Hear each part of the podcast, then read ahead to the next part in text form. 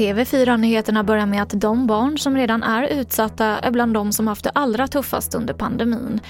Det här konstaterar Barnens rätt i samhället, BRIS, i sin årliga rapport idag.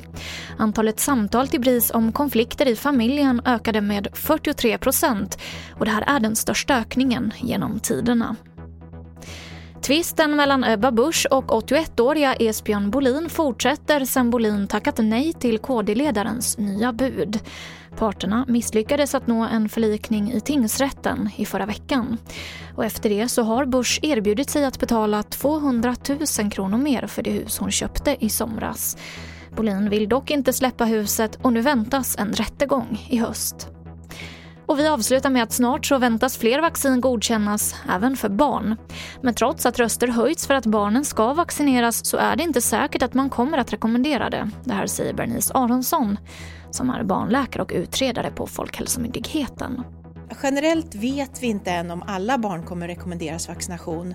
För det är ju så att barn och unga generellt har en lindrig sjukdom av covid-19. Och det var det senaste från TV4 Nyheterna. Jag heter Emily Olsson.